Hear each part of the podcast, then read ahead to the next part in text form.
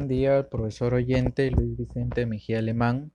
Me presento, soy José Alonso Gómez López, alumno de la Facultad de Economía de la Universidad Nacional de Piura, que cursa el tercer ciclo de la presente carrera.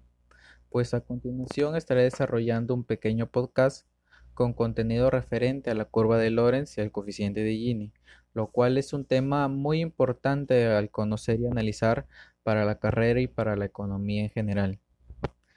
Pues en este caso vamos a discutir la desigualdad de ingresos, que es algo que a menudo se debate al pensar en al pensar comparar diversos países.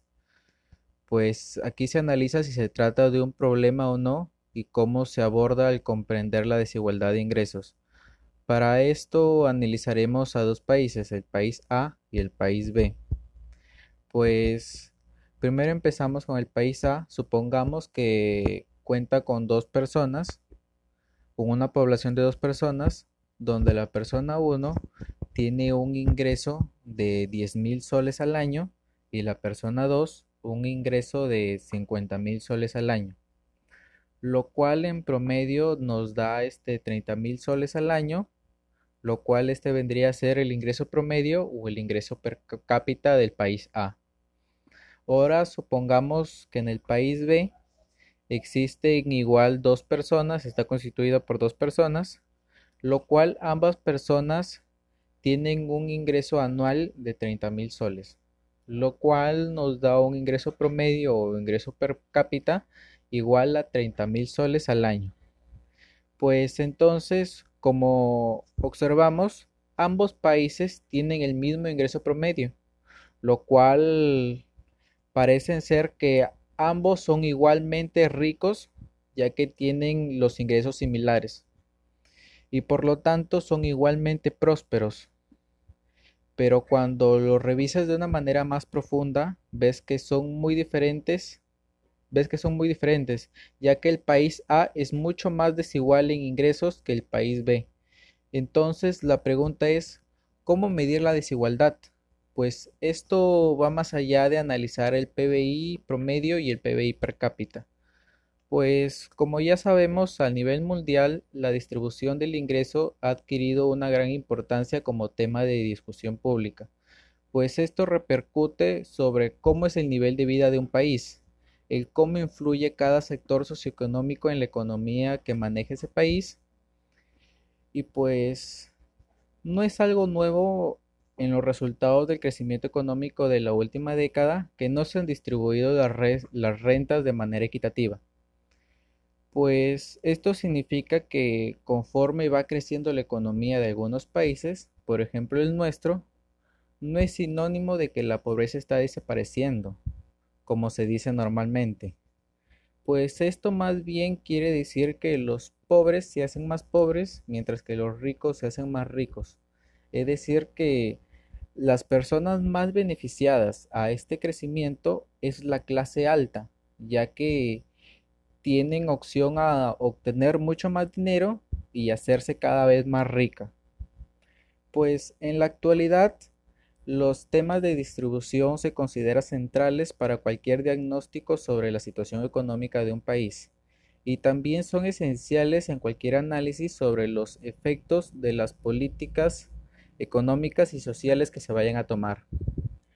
Pues como ya dije en un principio, aquí vamos a tratar de describir a los dos indicadores más importantes de la desigualdad, lo cual son las curvas de Lorenz y los coeficientes de Gini, pues los cuales tienen como objetivo, así resumiéndolo lo antes dicho, tienen que analizar las condiciones de pobreza, desigualdad y desarrollo humano.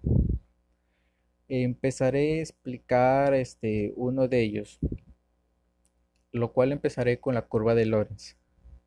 Pues la curva de Lorenz es una representación gráfica utilizada frecuentemente para plasmar la distribución relativa de una variable en un dominio, en un dominio determinado.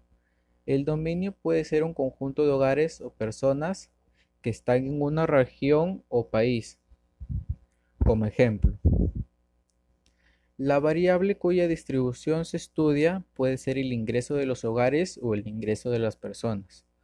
Utilizando como ejemplo estas variables, la curva se trazaría considerando en el eje horizontal el porcentaje acumulado de las personas u hogares del dominio en cuestión y en el eje vertical el porcentaje acumulado de los ingresos de estas personas u hogares.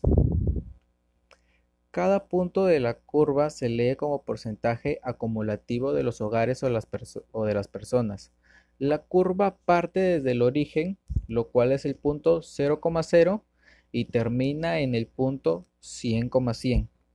Si el ingreso estuviera este, distribuido de una manera perfectamente equitativa, donde todos recibirían este, un ingreso proporcional, la curva coincidiría en una línea de 45 grados que pasa por el origen.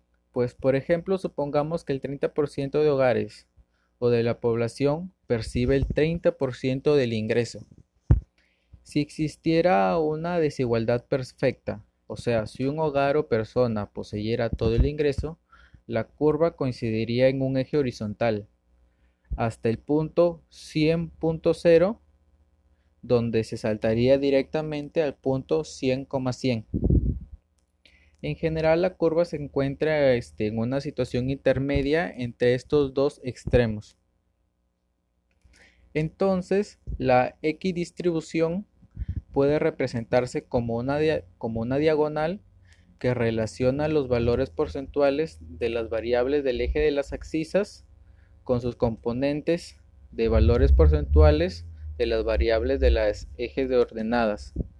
Como ya dije, la curva de Lorenz representa la distribución de ingresos entre la población, es decir, que entre más cerca esté de la diagonal, más equitativa es la distribución. Si por lo contrario, la representación de la desigualdad corresponde a la formación de un ángulo de 90 grados entre la línea de la, recta y de la población, significaría que un territorio, sea, el país, se encuentre en absoluta desigualdad.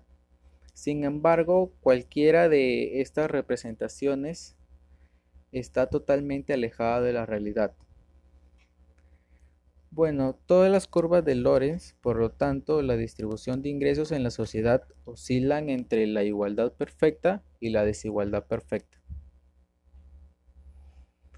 Ahora este, empezaré este, a explicar sobre los coeficientes de Gini. Pues el coeficiente de Gini es una medida de desigualdad ideada por el estadístico italiano Corrano Gini.